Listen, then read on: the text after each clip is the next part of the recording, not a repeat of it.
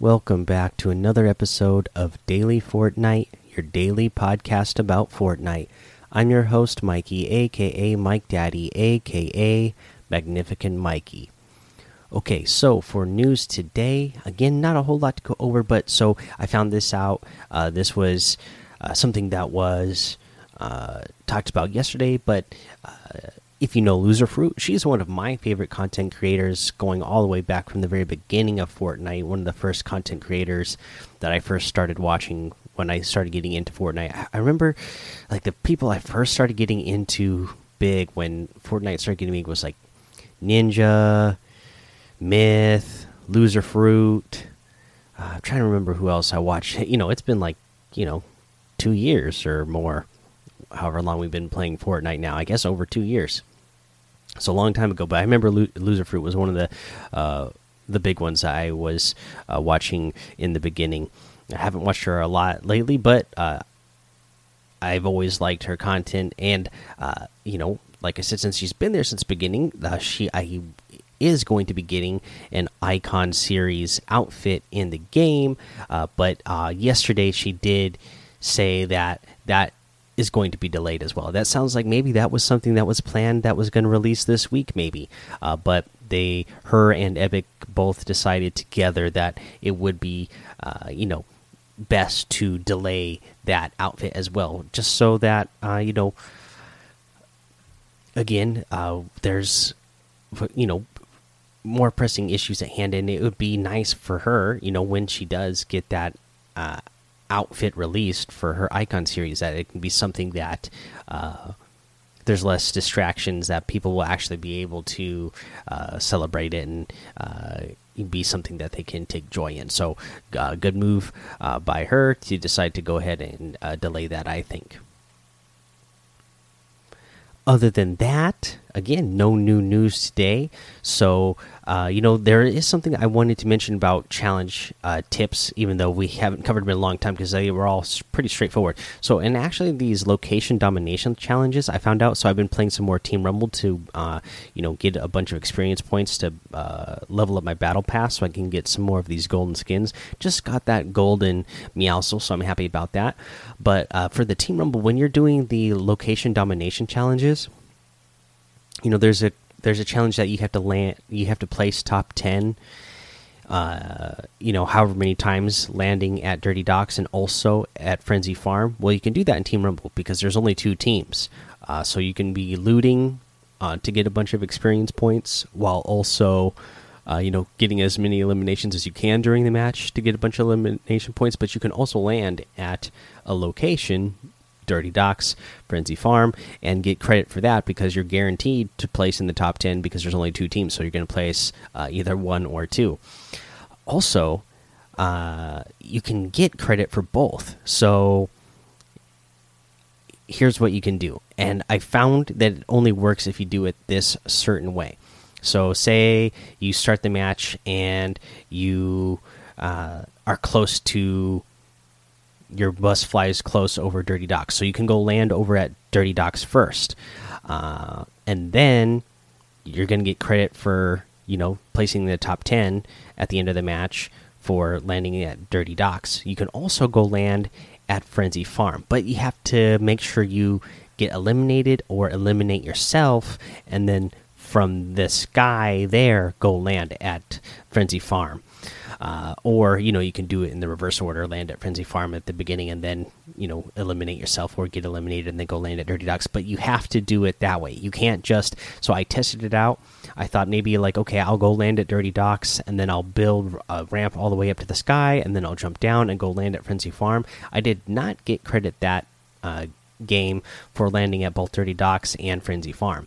But games where i tried the method out where i would land at dirty docks and then eliminate myself and then uh, you know pull out my glider and then go land all the way over at frenzy farm wherever it would spit me out at and then I'd go over to Frenzy Farm, and then I would get credit for both landing at Dirty Docks and Frenzy Farm and placing in top 10. I would get credit for both of those in a single match. So you could try that out. Uh, you know that wasn't something that uh, I was aware of before. So if it's not something you were aware of and you're still doing those location domination challenges, uh, you got a chance to do those easily by uh, doing that. Uh, okay, let's go ahead, take a break. We'll come back, uh, go over our item shop and uh, tip of the day.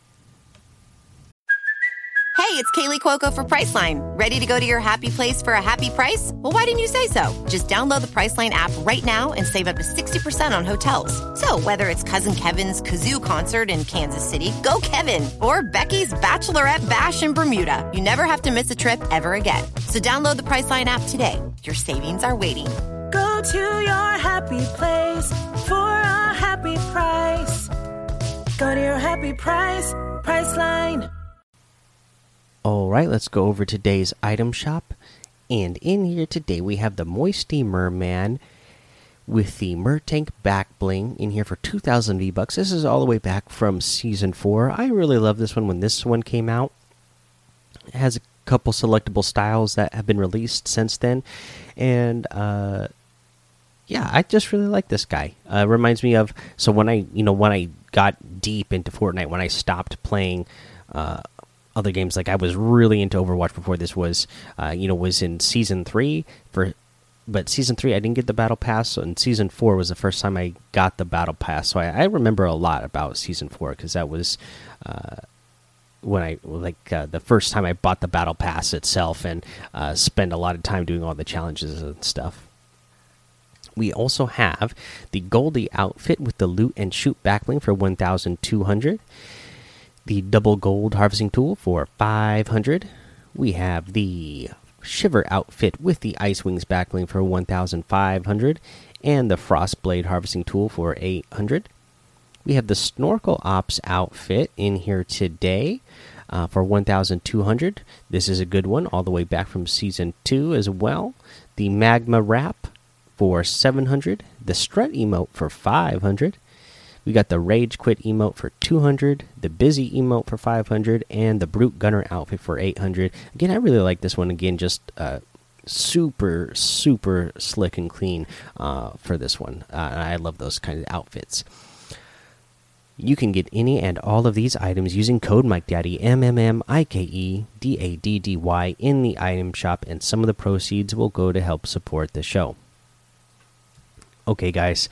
Uh, so, tip of the day, not really gameplay or anything, but just something that might be uh, useful for you and convenient for you and uh, time saving for you. So, I didn't know this, and I actually found this out from Echo Bucket in Discord, and uh, I just had never tested out. I guess I made an assumption that uh, it worked a different way, so I just never tried it.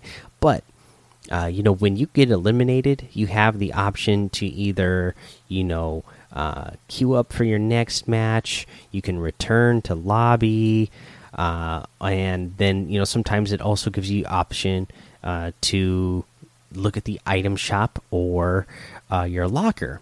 And that was the option that I I had never been using before, right? And that was because I kind of just kind of figured like, oh well, you know, if I click this, it's going to take me all the way back out to the lobby so I can look in the item shop, uh, or so I can change my outfit. Uh, and I, I don't want to do that. Uh, you know, I would just keep wearing the outfit that I wanted to wear. And because I didn't know this, if I did want to change outfits, I would go ahead and return to lobby, change my outfit, and then you know sit through that loading screen and then queue back up into a match and then sit through the loading screen to get into the next match when oh i guess i didn't really need to do that. It turns out you can just hit that item shop and uh, locker thing and it'll take you to your locker and you can change your outfits right from there and uh, then ready up for the next game. So you know if you're somebody who likes to change your outfits a lot it could be a little bit useful for you then you you know save yourself some time and not have to sit through a couple extra loading screens all right guys that's the episode for today. Go join the daily Fortnite Discord and hang out with us. Follow me over on Twitch, Twitter, and YouTube. It's Mike Daddy on all of those. Head over to Apple Podcasts, leave a five star rating and a written review for a shout out on the show. Make sure you subscribe so you don't miss an episode. And until next time, have fun, be safe, and don't get lost in the storm.